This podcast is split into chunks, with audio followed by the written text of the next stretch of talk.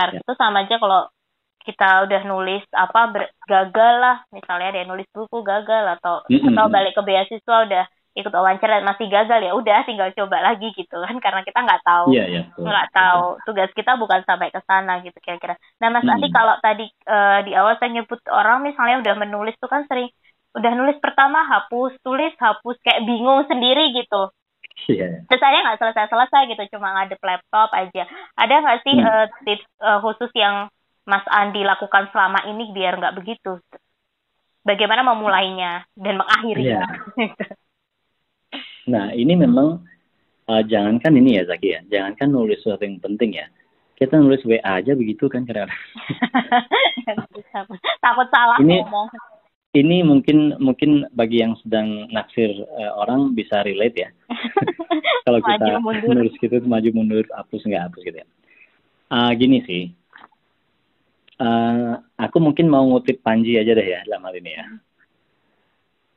Panji itu kan uh, stand up comedian gitu. Konon kabarnya kalau kita lihat uh, apa namanya tour dia yang terakhir yang uh, yang baru dijual terakhir maksudnya hiduplah Indonesia Maya. Dia bilang gini, aku dulu sibuk banget mikirin apakah orang akan tersinggung atau enggak dengan karyaku katanya. Setelah aku pikirin banget segala macam segala macam, eh aku pernah jatuh gara-gara kucing gitu. Gara-gara joke dia tentang kucing. Mungkin saking ngikutin atau nggak ngikutin ya. Enggak, Intinya gini sih. Intinya sih dia kan banyak banget joke-nya tentang macam-macam yang berat kan. Legalisasi ganja lah, regulasi prostitusi, bayangkan kurang Iya, kurang sensitif apa coba tuh. Hmm. 65. Orang tuh nggak terlalu gimana-gimana soal itu. Eh ketika dia joke tentang kucing, dia itu dibully habis-habisan oleh pecinta kucing. Hmm. Terus lucunya bilang gini, ketika ada orang yang nanya sama gua, Bang Panji, apa sih materi, eh, lu pikirin dong yang serius, apa sih materi yang yang harusnya kita berikan biar kita tuh nggak nggak menyinggung orang. Lu kan ini senior nih, lu panutan di dunia stand up comedy Indonesia. Hmm. Oh gitu, gua mikir katanya. Iya materi tentang kucing, katanya. Tentang kucing lah yang paling aman yang tidak menyinggung semuanya apa siapa pun kata dia pikir begitu begitu. Hmm. Tapi ternyata apa yang terjadi? Dia jatuh gara-gara kucing, bayangkan Hmm. akhirnya dia bilang gini ya wes lah aku udah aku udah nyerah lah katanya aku udah nyerah dalam arti apa tetap akan ada orang yang tersinggung tetap akan ada orang yang nggak suka aku udah nggak mau lagi mikirin itu lagi sekarang aku berkarya aja lah udah nah oke tapi itu kan ekstrim tuh ya Hmm. jadi orang tuh ada di satu titik yang udah nggak terlalu mikirin lagi deh tentang tersinggung tersinggung yang penting aku telah menyiapkannya dengan baik gitu tadi yang seperti Zaki bilang kan milih diksi segala macam segala macam Hmm. Kenapa aku pikir ini menarik? Jadi sebelum tadi kita bicara soal memulai gini itu, berhenti mengkhawatirkan reaksi orang, itu juga ternyata penting banget. Hmm. Untuk kita kemudian bisa memulai dengan leluasa gitu. Hmm. Oke, itu itu dulu ya. Jadi Hmm. artinya tidak membelenggu diri kita terhadap kemungkinan reaksi orang, itu penting banget untuk kita bisa jadi loss. Hmm. Nah, baru kemudian berikutnya muncul gimana memulai, gimana mengakhiri. Hmm. Paling nggak kita sudah terbebas dari dua hal itu tadi, dari dari hal itu tadi. Hmm. Terbebas dari reaksi orang terhadap saya akan gimana gitu. Hmm. Tapi kita fokus kepada menurut saya karya terbaik itu begini. Gitu. Itu kan dua hal yang beda tuh. Hmm. Karena kalau enggak, kita akan terbebani dua hal itu. Sibuk bikin karyanya sendiri, lalu sibuk memikirkan reaksi orang terhadap karya itu. Itu dua hal yang sama-sama berat soal itu. Hmm. Jadi membebaskan diri dulu paling tidak dari itu, atau atau menurunkan sedikitlah bebannya, Hmm. fokusnya hanya kepada karya baik menurut saya. Gitu. Hmm. Walaupun Panji kemudian menambahkan lagi, lebih baik saya fokus kepada mendapat penghasilan tinggi nanti agar bisa saya nyewa lawyer kali. ya. Maksudnya ketika nanti toh akhirnya karyanya itu menyinggung banget dan bikin masalah, ya udah aku fokusnya ya step berikutnya. Kalau udah terlanjur menyinggung ya aku nanti akan sibuk mikirin gimana caranya nyari eh, mengumpulin duit untuk nyewa pengacara gitu kan. Hmm. Itu joke lagi, tapi kan intinya semuanya adalah move on gitu intinya. Hmm. Aku berkarya, eh, fokusnya ke menghasilkan karya yang bagus menurutku paling tidak. Setelah itu apa? Ya setelah itu adalah nanti ya reaksi. Setelah itu ya di setelah itu nanti dipikirin gitu. Hmm. Makanya kalau Panji bilang pik, berkarya aja yang bagus banget dulu sehingga banyak peminatnya, banyak dapat duitnya, kira-kira gitu kalau joke dia ya. Hmm. Sehingga nanti aku punya banyak duit untuk membela diri ketika nanti ada orang tersinggung terhadap karya itu gitu. Dan joke ya. tapi tapi menurutku itu artinya apa? Kalau kita ngomong secara filosofis ya, ini progress terus, move on terus nih orangnya. Hmm. Nggak mundur-mundur gitu, nggak terlalu banyak ngeliat ke belakang. Nah, berarti kan kalau kalau dari semua cerita tadi itu kalau aku bilang gini, pertama kita berusaha banget membebaskan diri dulu dari itu. Uh, karena nggak ada orang sorry ini kesannya klise ya tapi aku akan ulang aja nggak apa-apa. Emang nggak ada orang yang sempurna. Contohnya tuh gini misalnya. Ketika tadi nulis kan kita kan hmm. kenapa kita ragu-ragu nulis? Kita mikirnya eh aku pantas nggak ya nulis gini? Gitu misalnya contoh yang paling kecil. Hmm. contohnya misalnya gini kalau ada orang yang baru dapat beasiswa luar negeri nih hmm. baru nyampe di katakan baru nyampe di Australia gitu baru sebulan di situ dia kan merasa baru banget hmm. tapi dia banyak banget merasa dapat pengalaman-pengalaman atau apa yang dia lihat itu Nah dia mau menuliskan itu. Terus pas dia menulis dia mikir gini, eh apa aku pantas ya nulis ini ya? Karena aku baru banget gitu. Karena aku nggak kayak siapa gitu yang dia udah kenal belasan tahun. Misalnya aku adalah mungkin orang yang diingatnya misalnya contohnya. Karena aku nggak kayak Mas Andi ya yang sudah kayak belasan tahun gitu. Dia kalau dia wajar nulis gini, aku apa sih? Aku adalah butiran debu kayak gitu-gitu kan. Nah itu maksudku itu kita sering banget loh mengalami hal seperti itu. Itulah yang buat kita kemudian berhenti hmm Kan gitu. Nah, makanya muncullah kemudian nasihatku berikutnya seperti yang aku pernah uh, sering bilang. Gini, kita tidak mungkin memuaskan semua orang. Gitu. Itu udah itu teori yang udah semua orang tahu kok. Tapi yang kita lupakan itu benar-benar hal teknis dari itu. Misalnya gini, kalau ada 7 miliar orang di dunia dan yang yang paham bahasa Indonesia kira-kira 200 juta, kira-kira gitu kan. Mm-hmm. Yang menonton tulisanku mungkin tujuh orang, kita langsung aja dikecilin gitu ya. Mm-hmm masa sih dari tujuh orang itu nggak ada satu pun yang akan dapat satu aja informasi agak penting dari tulisanku? Pasti ada dong. Hmm. Pasti ada. Hmm. Ya udahlah, aku reduksi aja tadi dunia yang besar tadi menjadi kecil banget hmm. Menjadi satu orang saja. Oke, okay. berarti fokusku adalah nulis buat satu orang itu tadi yang akan mendapatkan sedikit lah informasi dari apa yang aku tuliskan gitu kan. Makanya kemudian ya udah aku tulis aja karena toh fokusku cuma satu orang itu aja kok. Hmm. Bukan 7 miliar manusia, bukan 250 juta orang, mungkin bukan tujuh orang juga malah misalnya, hmm. tapi satu orang gitu. Hmm. Karena kita kan tidak, kita tidak menurutku, kita menurutku bahaya sekali kalau kita bercita-cita ketika mulai berkarya itu langsung ingin impress the world gitu. Hmm. Ingin membuat dunia terkesan. Menurutku itu bahaya sekali. Aku nulis ini buat satu atau dua orang kok yang aku yakin banget lah belum tahu informasi ini. Ya contohnya tadi kan ketika kita baru sampai di Sydney, hmm. Pasti banyak banget orang Indonesia nggak tahu Sydney kayak apa. Walaupun banyak orang yang sudah bikin blog segala macam kan gitu kan. Hmm. Pasti ada ada aja orang yang nggak tahu. Nah itu aku tulis untuk mereka mereka aja lah gitu. Makanya kemudian kita kita ragu-ragu tadi itu harusnya keraguan itu jadi jauh terjun bebas, tidak hmm. tidak setinggi tadi lagi. Karena kok karena toh targetnya sederhana saja sekali kok. Saya nulis ini untuk dua atau tiga orang yang belum tahu informasi ini. That's it. Hmm. Tapi nanti kalau ada orang yang nggak suka, oke. Okay.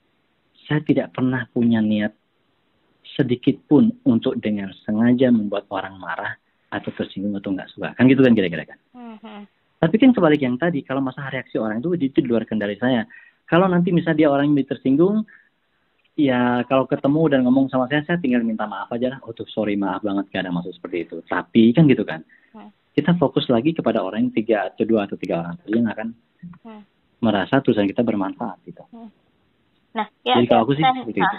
Sorry mas tadi uh, apa. Ada kalau uh, itu tadi terkait dengan kita nggak uh, per, kita perlu berhenti untuk mengkhawatirkan reaksi orang yeah. lain gitu ya. Nah kemudian hmm. ketika untuk mulainya nih ada nggak sih teknik nih dari segi teknis lah uh, gimana sih biar kita itu selalu uh, mau on di tulisan itu gitu loh mas. Maksudnya kadang kan kita kalau udah nulis yeah. uh, itu kita tinggal terus habis itu kita nggak nggak balik, gak balik ada lagi. rasa enggan untuk balik lagi karena terlalu pusing atau gimana ya membuat ya, kita ya, itu ya, selalu pengen menyelesaikannya selalu pengen menyelesaikannya gitu ya kalau aku sih uh, aku pernah juga cerita ini kita harus selalu menulis dan selesai aku bilang pernah aku pernah bilang gitu ya hmm. hmm, hmm. maksudnya tuh gini uh, kalau kita punya satu ide pasti ide kita itu inti dari dari inti dari ide, betul nggak? Maksudnya hmm. gini, kalau kita pengen menulis sesuatu, yang kita pikirin pertama kali itu pasti pasti ide besarnya kan. Eh misalnya gini, eh aku pengen nulis tentang uh, kayak ini misalnya yang kita bicarakan, aku pengen nulis tentang cara bercerita, hmm. gitu kan? Hmm. Kan pasti itu inti dari ide kita kan. Hmm. Cuman masalahnya sekarang kita tuh terjebak kepada proses administrasi misalnya gini eh kalau aku baca tulisan orang itu kan biasanya ada pengantar ya gitu kan hmm. ada pengantar ada ini baru dia ke inti lalu penutup hmm. kan gitu kita terbiasa baca apalagi baca buku yang panjang apalagi baca novel gitu hmm. lalu ada introduction kan gitu hmm. begitu kita ada di depan laptop itulah yang mengganggu kita hmm. Jadi pengantarnya apa ini ya pengantarnya apa ya gimana ya pengantar kita sibuk dengan sesuatu yang tidak menjadi esensi sebenarnya, tidak menjadi substansi dari ide kita yang tadi itu gitu kan. Hmm. Ide kita kan tadi bikin satu tulisan tentang tips bercerita, betul nggak? Hmm. Nah, jadi kalau aku nulis, aku tuh mulai dari situ. Langsung nulisnya gini, 10 langkah bercerita. Gitu gitu aja, nggak usah pakai, nggak usah mulai dari kalau kita bertemu orang, kalau kita ingin mengimpress orang, kalau kita akan melamar pekerjaan, kita biasanya akan jadi nggak begitu ngomongnya. Mm-hmm. Sepuluh langkah bercerita, itu dulu langsung satu, dua, tiga, empat, lima, sepuluh.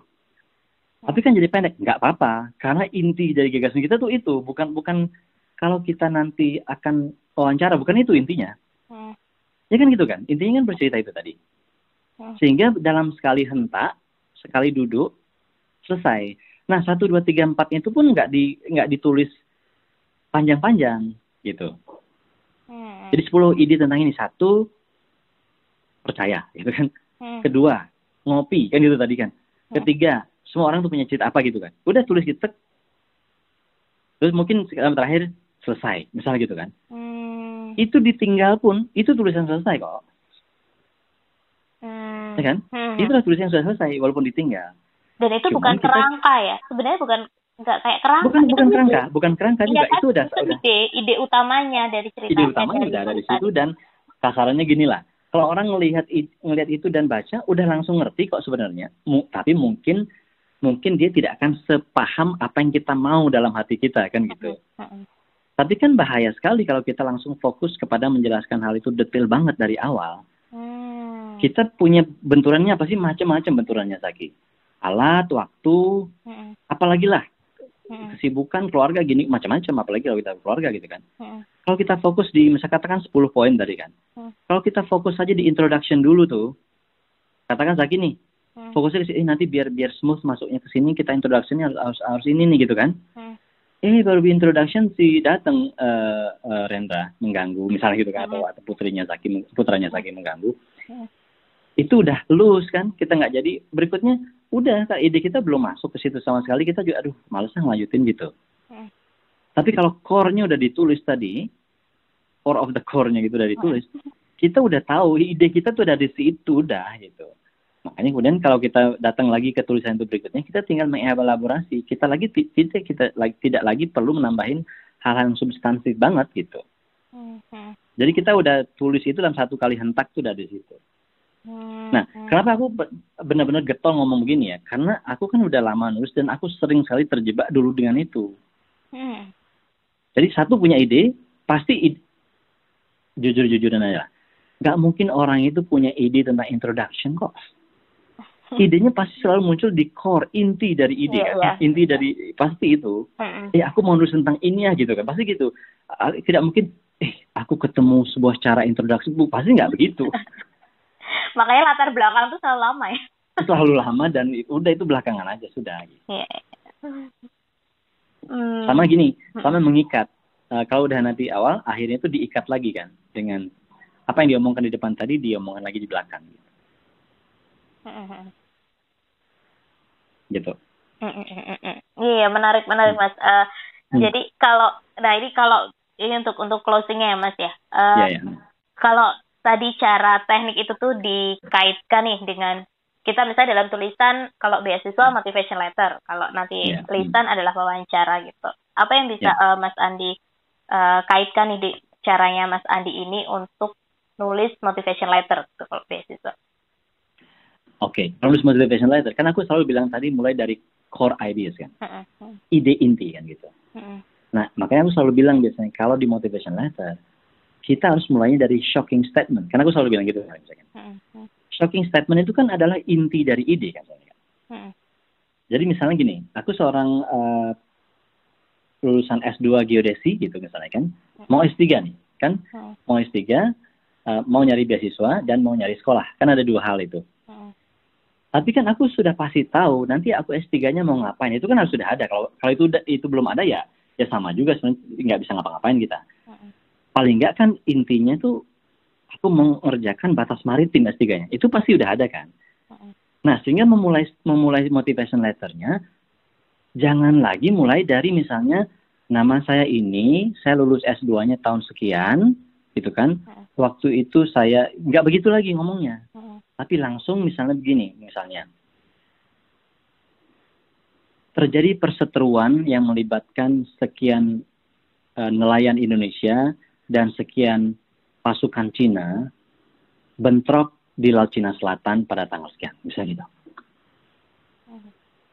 Jadi itu saat kalimat pertamanya udah core of the core itu inti dari inti. dari idenya gitu. Orang langsung awake, langsung langsung uh, bayangin aja aku kan ya, terperangah hmm? kayak terperangah langsung. Jadi langsung pengen ngelanjutin baca gitu. Eh apa exactly, ya kenapa ya gitu uh, baru kemudian setelah ide besar itu datang baru dikerucutkan lagi baru kepada diri kita kan gitu kan hmm. kan orang nggak tertarik membaca personal life yang yang apalagi tidak ada kaitannya dengan ini gitu maksudnya hmm. Hmm. atau atau yang kalau contoh lain kalau di bidang kesehatan nggak selalu contohkan ini juga misalnya uh, apalagi coronavirus sekarang yang mungkin lebih lebih gampang lagi tuh bikin hmm. contoh kan gitu kan atau atau misalnya kesehatan ibu dan anak gitu hmm. misalnya di Sleman ada 2.700 ibu yang ternyata misalnya gimana meninggal atau apa segala macam gitu karena ini gitu that's how you start karena kan inti dari ide kita tuh itu hmm.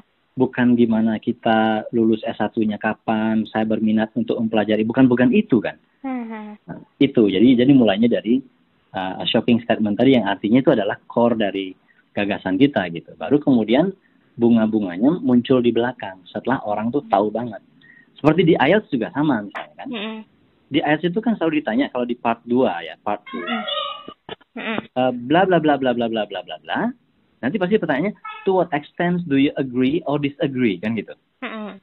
Jadi kan core pertanyaan menanyakan kamu tuh setuju apa enggak gitu kan dan to what extent sejauh mana kan gitu jadi mulainya itu jangan jangan ke mana-mana lagi hmm. ya udah intinya itu Hmm. Ini kayaknya tadi terkait deh mas, uh, sorry apa terkait dengan hmm. pertama mas Andi sampaikan tadi bahwa kita memandang sesuatu itu nggak selalu flat, iya kan? Yeah, Jadi yeah, yeah. ketika yeah, mau membuat uh, motivation dan sebagainya gitu, itu betul Iya kan segala sesuatu di situ tuh harusnya shocking semua tuh Harus gitu shocking, maksudnya betul. shocking ya, statement ya. di awal masalah tadi ya masalah betul, besar betul. yang ya, mau ya. diselesaikan. Ya, Tapi ya. kita cerita tentang diri kita pun sesuatunya itu jadi jadi uh, ada shockingnya gitu ada ada yang membuat yes, kita iya, shock iya. gitu ada yang membuat pembaca itu shock karena pengen tahu gitu. Iya ya, kan? betul. Betul betul banget. Jadi terima kasih udah mengaitkan itu. Itu itu pas banget lagi. Jadi intinya kan ketika ada grafik tadi yang bagian-bagian frame itu kan dipotong kan gitu kan. Nah potong itu maksudnya tentang potong. artinya gini. Mungkin aku agak ralat sedikit. Bukan soal bicara soal diri sendiri nggak menarik. Artinya kalau diri sendirinya yang tidak shocking kan gitu kan. Iya, iya. Yang yang tidak menghasilkan shocking statement gitu. Kalau iya, misalnya kita lulusan ini tahun sekian, lulusan itu tahun sekian, mm. bagi si pembaca motivation letter, aku nggak perlu tahu itu. Gitu kan misalnya. Jadi kayak gitu lah. Jadi jadi uh, udah relate kayak gitu gitu. Uh, udah. Langsung uh, bercerita juga kan gitu. Uh, Tadi kan aku yang omongkan tuh sebenarnya kan sama aja antara menulis dan uh, oral gitu. Iya betul. Jadi oral pun juga uh, demikian. Tapi tadi satu hmm. hal yang menarik juga dari Mas Andi itu adalah mengcopy dan kemudian mensistematikakan itu gitu. Karena itu yeah. mungkin yang kita uh, apa saya baru-baru ngeh juga oh ya selama ini kalau kita dengerin orang kita selalu tahu oh kalau kamu pengen bisa interview dengan bagus kamu bisa hmm. pengen bisa bicara yang bagus latihanlah gitu terus kita hmm. hmm. mempelajari gitu mempelajari di latihan orang cuma kemudian uh, kita berhenti di titik cuma lihat terus kita nggak mensistematikal itu nggak mengcopy gitu mas jadi yeah, yeah, uh, kita cuma mungkin latihan doang tapi kita nggak membuat itu secara sistematis oh harusnya kayak begini kita nggak mempelajari itu gitu Iya. Secara lebih tertata gitu. Nah, setuju. Memformulasikan kan kayak gitu kan. Uh, uh, itu kan misalnya apa misalnya? Uh, uh, dekonstruksi misalnya. Seperti misalnya gini, aku kemarin yang lihat juga contohnya bagaimana pidatonya Obama yang tahun 2004 gitu, yang dia kan waktu itu belum jadi kandidat presiden kan. Dia pidato di di sebuah acara konvensinya Partai Demokrat. Tapi banyak orang bilang pidato itulah sesungguhnya membuat dia jadi presiden sekarang kira gitu waktu ini kan. Nah lalu ada orang yang mendekonstruksi pidato dia itu. Jadi ketika dia ngomong gini-gini itu di, di dekonstruksi, dipecah-pecah-pecah di part, part ini dia sebenarnya melakukan ini, di part ini melakukan ini. Ya kan kira-kira begitu kan? Ketika kita mendengar orang tuh, oh bagus banget tuh ngomongnya, itu kita berlatih mendekonstruksi itu, memecah itu jadi sistematika tadi mungkin yang selanjutnya. Ya. Siap, siap, siap. Oke, ini keren siap. banget mas. Uh, ini bisa bikin sesi lagi ya? Oh ya, sebentar. Oh, bisa. Uh, uh, anak saya ini ada pulpen. Oh, iya, monggo. Itu pulpennya di sebelah sana, di yang wadah pensilnya Rendra. Oh, ya. Ini menunjukkan kita benar-benar di rumah masing-masing ya. Betul, di work from home. Jadi ya ikut-ikutan uh, di sini.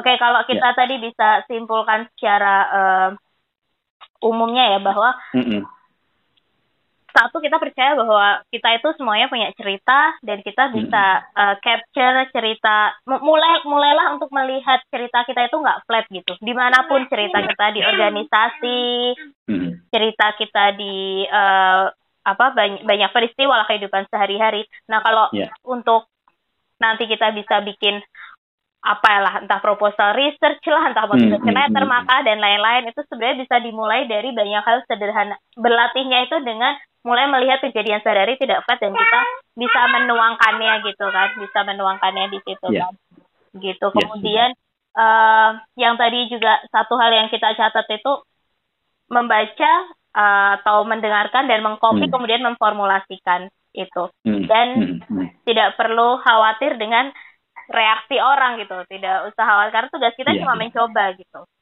dan exactly. yang terakhir adalah yang ternyata yang ditulis yang utama itu adalah ide itu menarik banget Mas Andi karena selama ini hmm, kita hmm. taunya itu hanya kerangka gitu. Kita tidak bilang bahwa kerangka itu salah kerangka tetap memang e, di, perlu dituliskan mungkin yeah, gitu yeah, kan. Yeah, yeah. Tapi kemudian yang justru kita lupa kita nulis kerangka doang tapi lupa nggak menuliskan ide besarnya. Padahal yeah, yeah, intinya yeah. adalah di situ. Sehingga kalau kita udah bisa menuliskan ide uh -huh. besarnya, kita memandang segala sesuatu tidak flat, nanti kita kan bisa membuat shocking statement dan shocking story uh, macam-macam yeah. dengan berbagai bentuk itu. Kira-kira begitu ya Mas Sandi ya? Memang luar biasa. Luar biasa. Aduh kita kangen sebenarnya bikin offline session ini yeah. Adem. Semoga lah wabah ini segera berakhir dan uh, teman-teman kita yeah. masih akan kita masih punya banyak ide untuk tema-tema podcast mendatang ya Mas Sandi ya. Yeah, uh, yeah, Insya Allah. Yeah, yeah, yeah. Termasuk mungkin uh, sesi mm. online class gitu yang teman-teman yes, bisa ikuti. Pasti dan uh, jangan lupa Mas Andi ini punya karya yang bisa didapatkan teman-teman di website miniacademy.id atau melalui hmm. WhatsApp yang uh, kontaknya bisa dicek di Instagram kami at miniacademy. Terima kasih banget Mas Andi. Sama-sama Zaki. Untuk waktunya uh, semoga sehat selalu dan kita ketemu lagi di episode yeah. podcast selanjutnya. Terima kasih. Terima kasih. Sama.